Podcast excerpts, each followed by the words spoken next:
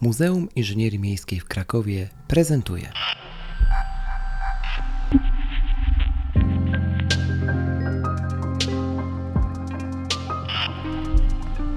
Mimcast. Miasto i my.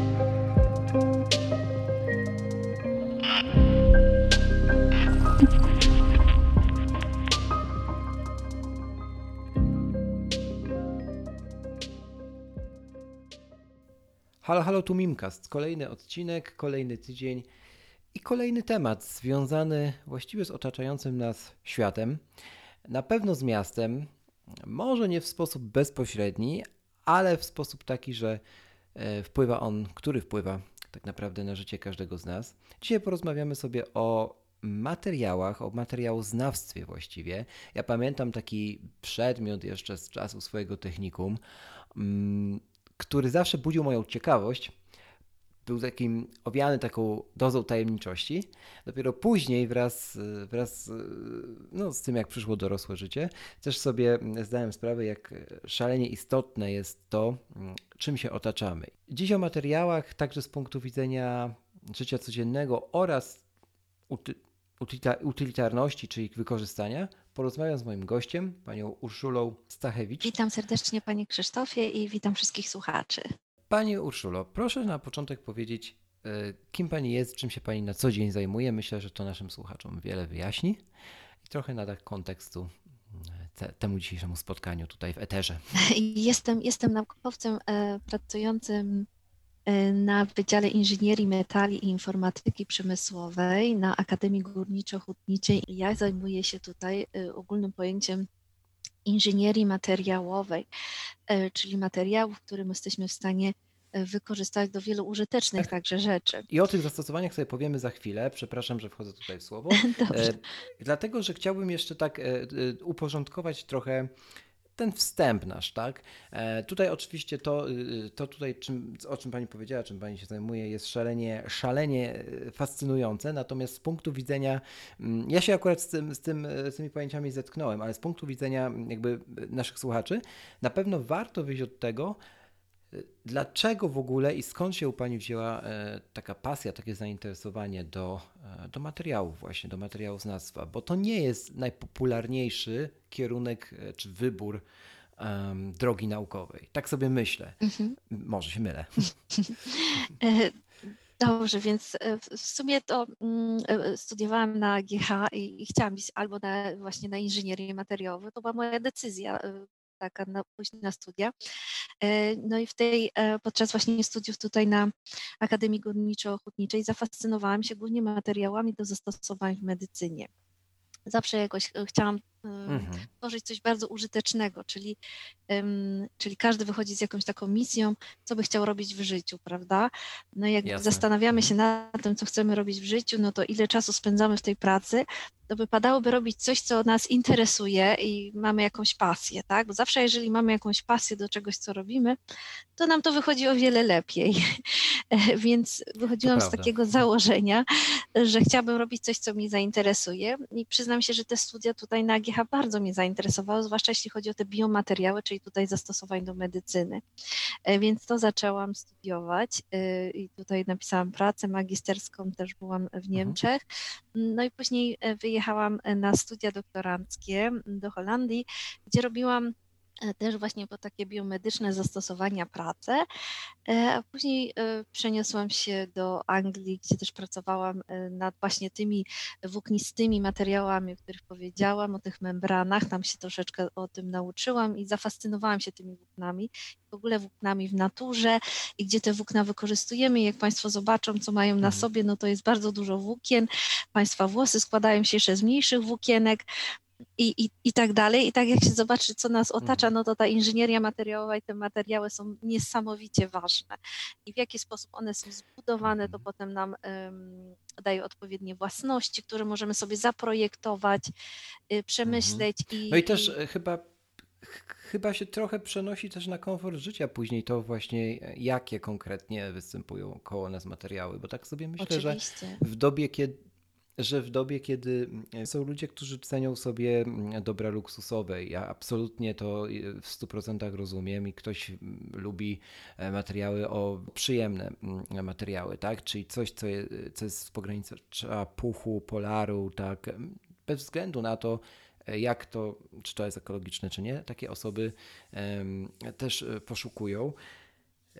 I tak sobie myślę, że trochę e, ta, taka, to takie starcie następuje zarówno na poziomie konsumenta, kiedy my musimy świadomie, mm, jakby kierowani konkretnymi, konkretnymi e, emocjami, namiętnościami, tak, podjąć decyzję zakupową, a trochę też e, to starcie następuje już na, na samym poziomie mm, producenta, tak, kiedy kalkulujemy koszty, kiedy staramy się maksymalnie optymalizować. Jest kilka firm na świecie, no, które gdzieś tam wyróżniają się w doborze tych materiałów. Nie wiem, chociażby z elektroniki użytkowej jest to Apple, tak, z, e, czy, czy producenci skandynawskich, skandynawskiego sprzętu audio. E, tam to wszystko jest bardzo, bardzo cyzelowane. Tak? Każda, każde jedno wykończenie membrany, czy każda jedna maskownica tej membrany, to wszystko jest wykonywane bardzo pieczołowicie, właśnie po to, żeby nie tylko cieszyć oko, ale również odpowiednio balansować cenę i, E, no i dbać o, to nasz, o ten nasz świat, o to nasze środowisko.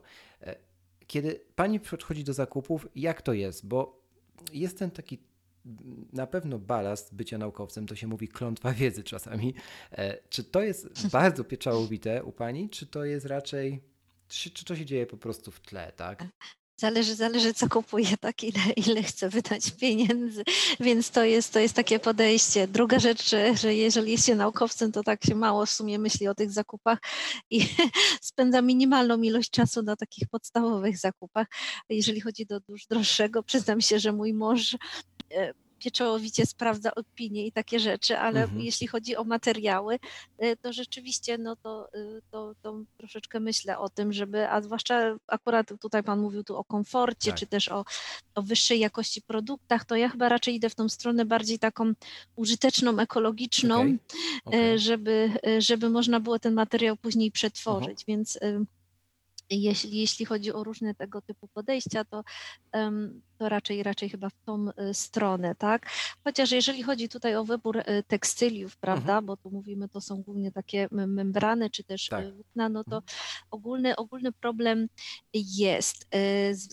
Wynika to z tego, no, że no jednak ten przemysł, który nas tutaj zanieczyszcza, nasze środowisko, czy też miasta, czy też ilość ubrań, jakie kupujemy, konsumujemy, no to mhm. są ogromne ilości, prawda? Mhm. I te ubrania no, czasami jest trudno przetworzyć ze względu na to, że to są mieszanka różnych materiałów.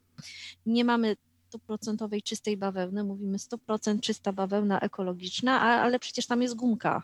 no na przykład. Tak. Więc no właśnie i to już komplikuje troszeczkę e, później mm, proces przetwarzania tego materiału, chociaż no tutaj są. Więc myślę, że, że y, tego typu sklepy, które są z używaną odzieżą, czy tej second hand, to jest naprawdę niesamowita idea, żeby wykorzystywać te materiały, mhm. czyli te ubrania, czy rzeczy, które są już stworzone, tak? Mhm. Że nie musimy znowu tego przetwarzać, tak? Który to, to jest konsumpcja e, energii, wody, e, transportu i tak dalej, a może być wykorzystane w sumie w formie takiej, jakiej jest, więc to jest myślę, że taka dobra idea, e, żeby, żeby oddać te rzeczy, żeby przetworzyć, no nie, niekoniecznie musimy je od razu przetwarzać. E, tak sobie myślę o tych second handach, że to nie jest pierwszy wybór, pierwszy kierunek nas jako konsumentów, no bo to też zyskało trochę taki mm, wydźwięk pejoratywny, tak? I musi, musi chyba jeszcze trochę minąć, zanim my to gdzieś tam w swoich głowach jako konsumenci przedstawi, przedstawimy sobie. Chociaż oczywiście w 100% się zgadzam, że e, jest to, jest to bardzo ciekawa e, idea. Wspomniała Pani o tej medycynie e, i odnieśmy sobie ją trochę do czasów dzisiejszych. Tak? Mamy wszechobecną pandemię. No i takim pierwszym wyborem, pierwszym produktem, po którym sięga konsument, są maseczki. To trochę więcej o tych maseczkach, włóknach, bo wiem, że to też jest temat, który Panią interesuje. E, to znaczy, jeżeli chodzi o stosowanie e, maseczek, no to e, chodzi mi o to, żeby nie przenosić tutaj wirusów, które są przenoszone w formie kropelkowej, czyli mówimy o, mhm. no, o tutaj małych rozmiarach kropel, czyli o tych mikronach, wcześniej troszeczkę mówiłam, mm, żeby one po prostu nie przechodziły przez tego typu membrany i zostały wyłapane. To jest tak jak z procesem filtracji, tak? Te nanowłókna w większych, właśnie w każdym tutaj klimatyzatorze czy też y, oczyszczaczach powietrza to są właśnie te włókna wykorzystywane, y, które będą nam oczyszczać czy wyłapywać te drobne cząstki. Mhm. A tutaj, jeśli chodzi o maseczki, no to chcemy wyłapywać te drobne kropelki, żeby one się nie przedostały tak na zewnątrz, żebyśmy uchronili, no jeżeli my jesteśmy chorzy, uchronili tutaj osobę, e, z którą rozmawiamy, tak, czy z którą przebywamy. Więc na tej zasadzie te membrany, jak powiedziałam, one charakteryzują się tą dużą porowatość Mhm. i te małe włókna, czyli jeżeli mam dużą porowatość, no to ten system oddychania jest, ułatwia nam, tak, tylko że w tych maseczkach znajduje się kilka warstw. Są zazwyczaj y, włókna wielkości około 10 mikronów, później mamy włókna, które są od mikrona, y, y, następna warstwa lub poniżej, a później jest kolejna warstwa, tak? Im więcej różnego rodzaju warstw, także o różnych własnościach powierzchniowych, tym po prostu mamy większą ochronę. Tylko wiadomo, że wtedy przepływ powietrza przez te membrany jest troszeczkę utrudniony, e, ale ze względu na tą ilość warstw, jaką mamy w maseczkach, więc na, na tym to polega, tak? Mhm. To, są, to są właśnie, to jest taka jakby izolacja tutaj y, materiału przed tym, żeby, żeby nie rozprzestrzeniać te wirusy.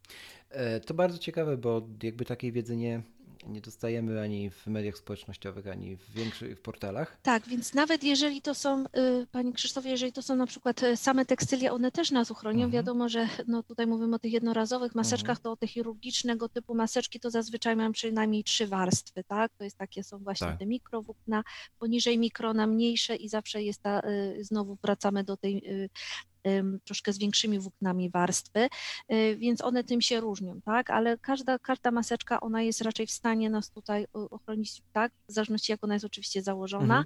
Jeżeli nie przylega, no to wiadomo, No, że wiadomo. no nie będzie tak efektywna, Mhm, tak? mhm. Tak, tutaj właśnie to pi- pierwsza grupa, która mi się teraz do głowy mm, e, napatoczyła, y, to są biegacze. E, Dlatego, że no, jakby biegaczowi jest trudno biegać w maseczce, która jest bardzo szczelna, ale już na przykład w swego rodzaju huście czy, czy bówce e, niekoniecznie i, i tego typu rozwiązań spotyka się na drogach biegowych e, jak najwięcej, dlatego że to też chroni, tak jak słusznie pani zauważyła, ale przy okazji nie dusi, jak takie zwykłe klasyczne maseczki, które nie są dedykowane do sportu, tak. Tak, tak, tak, tak, bo tu już chodzi o tempo Dokładnie, tak, przepływu tego dokładnie. przez, przez ileś tam warstw, no, no tak to jest Dokładnie. skonstruowane. Ale e, pani, że tak powiem, e, główną dziedziną e, nie są maseczki antykowidowe, aczkolwiek pewnego rodzaju membrany. Ja zajmuję się, mm, dokładniej mówiąc, włóknami polimerowymi, czyli takimi plastikowymi włóknami, które wytwarzamy tutaj metodą elektroprzędzenia. Metoda e, Mhm. elektroprzędzenia polega na tym, że mamy roztwór polimeru, e, który pod, e, poddajemy tutaj oddziaływaniu elektrostatycznemu, czyli przykładamy wysokie napięcie do tego roztworu polimeru, który przechodzi przez taką metaliczną igłę i z powodu tego wyciąga się nam taki e, strumień e, i ładunki, one rozciągają ten strumień, ten rozpuszczalnik nam odparowuje i powstają z tego włókna tutaj e, wielkości poniżej mikrona, Mhm. e, czyli mówimy o tych tak, e, tysięcznych włosa, mhm. że tak powiem, ludzkiego, czyli o takich rozmiarach. Właśnie miałem e, zaprosić o odniesienie, tak. E, tak. Tak, e, i, i- te włókienka, one, one nam są bardzo takie splątane i tak naprawdę jak je produkujemy, to nie są takie pojedyncze włókna, które możemy sobie wziąć do ręki, tylko to jest taka membrana. Membrana, która wygląda troszeczkę jak taka chusteczka higieniczna, tylko składa się z tych mniejszych włókien. I, i to jest taka jakby biała, biała chusteczka, a tak naprawdę porowatość tych y, membran y, tutaj jest powyżej 90%. W związku z tym, że mamy taki porowaty materiał, y, tworzymy bardzo duże takie powierzchnie aktywne, tak? Czyli mamy bardzo dużo powierzchni e, w stosunku do masy czy objętości tego materiału. I takie powierzchnie właśnie e, tych takich membran można wykorzystać w wielu, wielu ciekaw- do wielu ciekawych zastosowań. E, To może trochę więcej teraz o tym. I e, dwa, dwa określenia. Myślę, że one będą dobrym punktem wyjścia. To są pióra pingwinów i e, sierść niedźwiedzi po- polarnych. To tego się nie słyszy w kontekście materiałoznawstwa na co dzień. E, Ja to usłyszałem, no i podziałało. To może troszkę więcej na ten temat i no i czym się teraz aktualnie Pani zajmuje, czym nad, nad czym Pani pracuje? Tak, to znaczy temat tutaj piór pingwinów, niedźwiedzi polarnych po prostu wziął się z tego, że, że są to e, zwierzęta, które e, są w stanie tutaj no, wytrzymać w tych zimnych klimacie, tak, czyli mówimy o bardzo niskich temperaturach, ale także są świetnymi pływakami w tej lodowatej wodzie.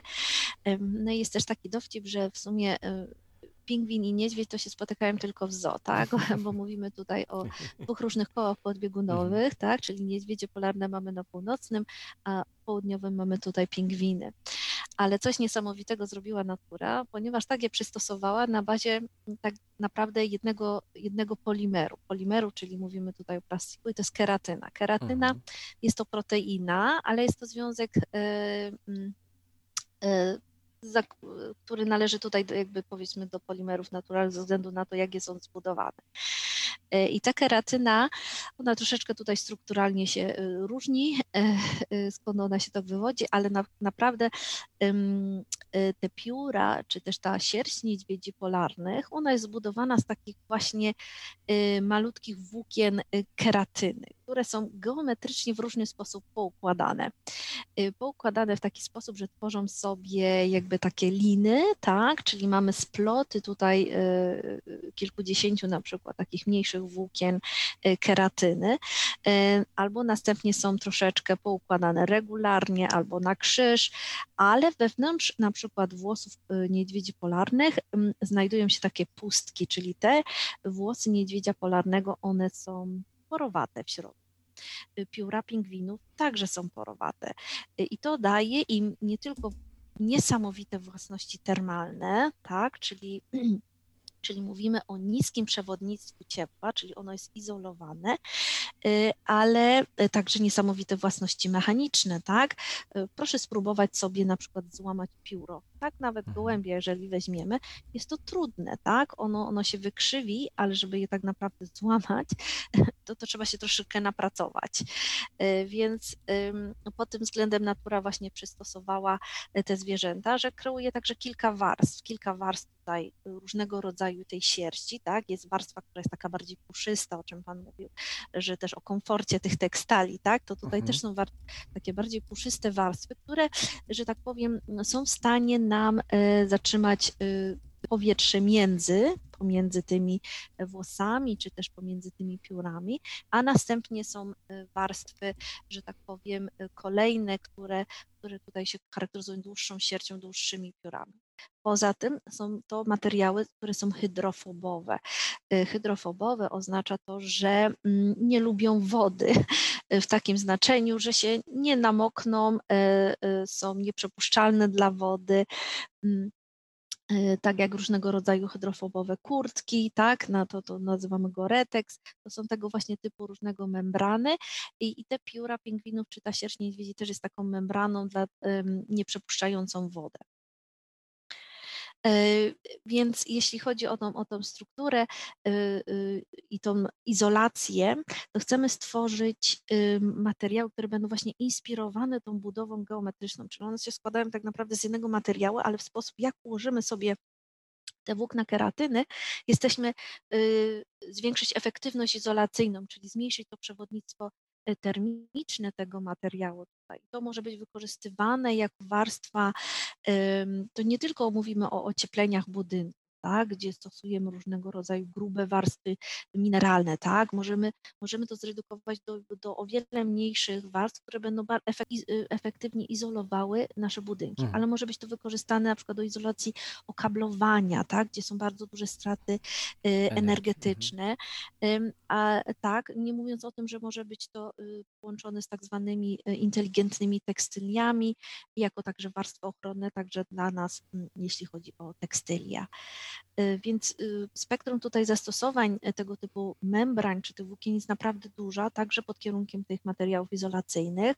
No tu taka piękna inspiracja, że badaliśmy tutaj głównie przy użyciu tutaj zaawansowanej mikroskopii, jak one są zbudowane i zobaczyliśmy, że jest bardzo dużo zbieżnych rzeczy pomiędzy pingwinami a niedźwiedziami polarnymi, mhm. to znaczy strukturą pióra i, i tej sierści, które dają bardzo podobne własności, czyli to może być klucz do do zastosowania przy konstrukcji materiałów, które my jako ludzie możemy wykorzystać także tutaj do izolacji. Więc stąd, stąd e, cały pomysł i, no i na to dostaliśmy fundusze, które e, w projekcie, który zaczniemy sobie od stycznia 2021. Przy okazji e, przydarzył się myślę, że taki dobry motywator e, przy całym tym zaangażowaniu Pani, e, no bo e, jakby otrzymała Pani grant z Europejskiej Rady do Spraw Badań Naukowych, tak? I chciałem trochę podpytać mm, o, o ten sukces, bo, bo zdecydowanie w takich kategoriach należy o tym mówić. Jak, jak się walczyło o, o, tego typu mm, grant? Czy to jakby wymagało stworzenia jakiegoś projektu? Tak też, żeby nasi słuchacze mieli większy obraz. E, na tego typu działalność naukową. No i przede wszystkim, co, co to wyróżnienie, co ten grant znaczy? Grant ten daje bardzo duże możliwości. Tak? Granty europejskie są prestiżowe. Y, konkurujemy tutaj z najlepszymi, powiedzmy, naukowcami w całej Europie. I, i ten grant pozwala tutaj jest w opisie, że to musi być breakthrough, czyli coś przełomowego, tak? Czyli coś, coś możemy zrobić inaczej, który pomoże tak naprawdę y, y, społeczeństwu w taki inny sposób.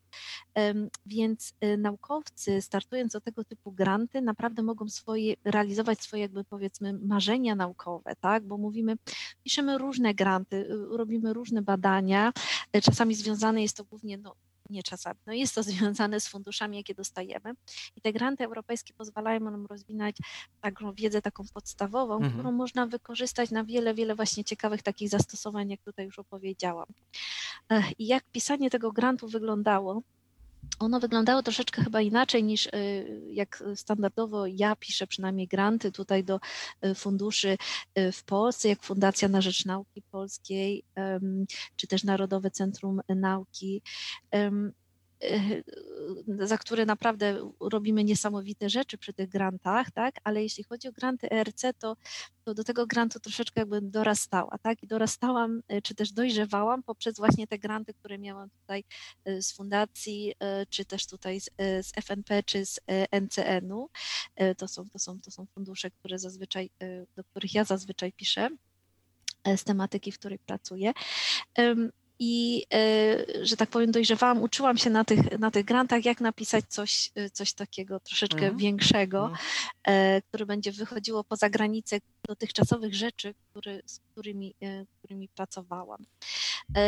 Mm, więc tu mi umożliwiło troszeczkę rozwój tego projektu NCN e, i tam dostałam taki grant na wyjazd i miałam możliwość wyjechać na kilka miesięcy do University of Cambridge w Anglii, gdzie, e, gdzie pracowałam z panią profesor Sohini Karanayan, u której, która miała właśnie tego typu grant.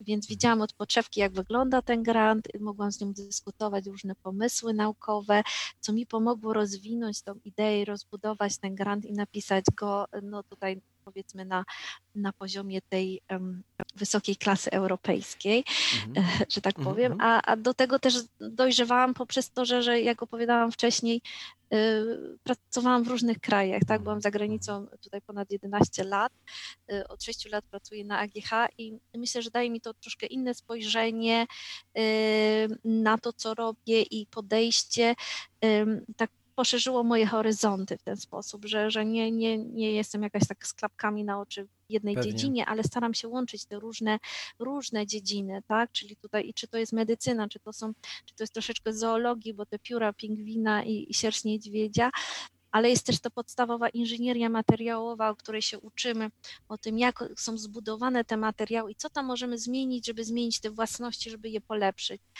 Um, więc to tak wszystko razem tworzy tą interdyscyplinarność mhm. i myślę, że to jest, to jest niesamowite w tych inżynierii materiałowej, e, że to jest połączenie tylu dziedzin, tak? Fizyki, chemii, a może być biologii, zoologii. Więc, więc to jest to, co, co tworzy coś y, niezwykle inspirującego, ciekawego mhm. i, no, i no, multum pomysłów, tak? Czyli Mhm. można stworzyć coś niesamowitego, kreatywnego, co starałam się w czasie pisania tego grantu w jakiś sposób e, zrobić. No i chyba okazało się to dość efektywne, e, bo, bo udało się. Super, tak sobie myślę o tej interdyscyplinarności, bo to nie tylko w dziedzinie akurat no, materiałoznawstwo jest super przykładem, tak jak, tak jak pani stwierdziła, bo rzeczywiście wiele nauk w sobie, w sobie łączy, ale tak sobie myślę, że to jest potrzeba wielu pasji, wielu osób teraz, nie? We współczesnych y, czasach, żeby nie patrzeć na, na to, czym się interesuje człowiek tylko i wyłącznie bardzo wąsko, ale też patrzeć przede wszystkim nawet zaryzykowałbym stwierdzenie, że jak nie lokalnie, to i nawet globalnie, w jaki sposób to może oddziaływać na, na Tak, całą oczywiście. planetę. To też napędza to, od czego pięknie zaczęliśmy tą naszą rozmowę, czyli ten temat pasji, tak, że jeżeli się robi to, co się kocha, no to jest się w tym zawsze maksymalnie sobą, maksymalnie najlepszą wersją siebie, a przynajmniej człowiek do tego dąży. No i też to wzbudza mm, ciekawość świata, taką naturalną ciekawość świata i to jest, wydaje mi się, Tak, takie ja, panaceum. ja tutaj tak, pani, mhm, mhm. ja tak się trochę tutaj, bo często takie pytanie dostaję, to, to jaki zawód wybrać, żeby, żeby mieć mhm, dobrą tą tak. przyszłość. Mhm. E, Takie, takie często jest pytanie, bo że tutaj e, pracuję na Może no naukowiec to na pewno powie, tak? Tak, i, i tak. Więc jest takie, a ja mówię, że nie ma znaczenia Mhm. y, tak naprawdę, y, ponieważ jeżeli się coś robi y, z pasją, Mhm. tak, to, to się będzie, będzie bardzo dobrym. A jeżeli się w czym bardzo dobrym, to nie ma problemu naprawdę znaleźć pracę.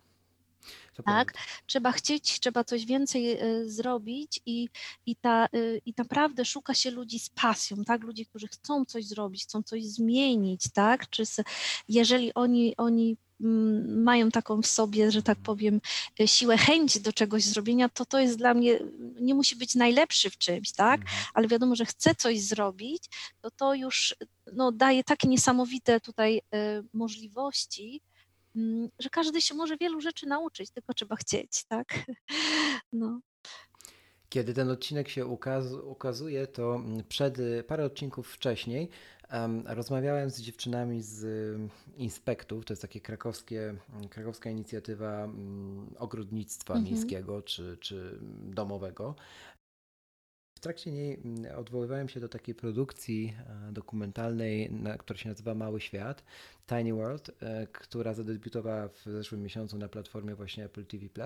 Mm, I tam pokazuje się jakby życie najmniejszych istot y, no, na Ziemi, tak? E, Najmniejszych zwierzątek, żyjątek gdzieś tam w dżungli amazońskiej, ale też w naszym przydomowym ogródku.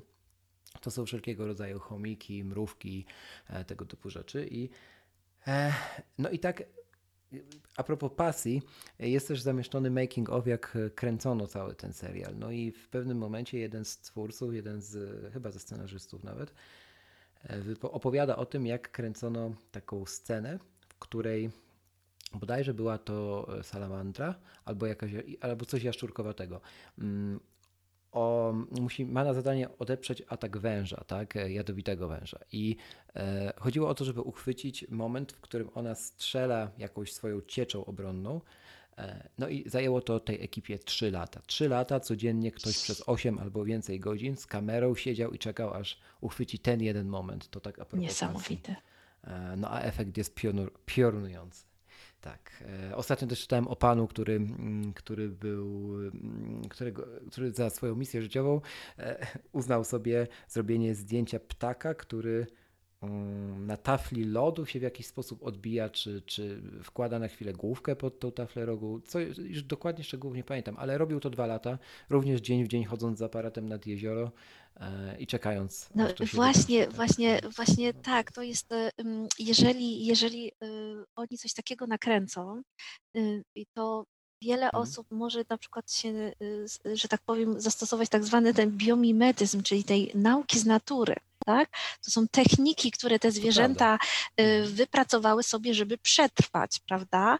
Czyli było to Tak. rozwijane przez, y, przez niesamowitą mm, motywację, tak, przeżycia e, na tym świecie. I, i tam to są te rozwiązania, tak, to jak on sobie skacze po tej tafli, czy jak próbuje Tak. tutaj coś innego zrobić, to no to, to, są, to, są, to są niesamowite rzeczy, którzy, którzy te ludzie e, mimo że to trwa, prawda, ale oni wnoszą coś niesamowitego do wiedzy, tak, bo nie każdy jest w stanie to zobaczyć, nie każdy jest w stanie to uchwycić, ale jeżeli jest to nagrane, to to przetrwa, prawda? No, coś niesamowitego. Tak, natura jednak pozbawiona jest naturalnie e, ego, nie? Tak O, więc- właśnie, z tym ego. No, no tak, to jest, tak, z tym ego. Więc tutaj niektóre te procesy po prostu, tak jak słusznie Pani zauważyła, podszyte walką o przetrwanie, walką o byt, okazują się być często proste, ale najbardziej skuteczne. E, Dobrze Pani Urszulo, bardzo dziękuję za to, że zgodziła się nam Pani przybliżyć ten e, ciekawy świat e, materiałów, ciekawy świat nauki też przede wszystkim, bo z tej rozmowy myślę, że mm, właśnie ten aspekt nauki przebijał bardzo mocno. To na koniec takie pytanie, które zadaję często mm, gościom w Mimcastu. Czego można Pani życzyć na najbliższą przyszłość, oprócz zdrowia, co jest oczywiste? E, Chyba, chyba wytrwałości, żeby ta pasja moja tutaj do tej inżynierii materiałowej, tych materiałów, żeby chyba trwała, bo chciałam pokazać także, że kobiety też mogą być wspaniałymi inżynierami tutaj, nie tylko w inżynierii materiałowej czy biomedycznej, gdzie jest troszeczkę więcej kobiet, E, więc może, może tak, może chyba, chyba, żeby się to wszystko jakoś dalej tak kręciło z sukcesem, tak, i żeby więcej tutaj do nas dziewczyn przyszło na AGH, bardzo bym się z tego cieszyła ponieważ robimy ciekawe rzeczy. Ale chłopaków też zapraszam. Jasne. Pani, e, Pani Urszulo, tego zatem życzę. E, I jeszcze raz dziękuję za gościnę w Mimkaście. Mam nadzieję do usłyszenia jeszcze kiedyś w przyszłości. bardzo dziękuję.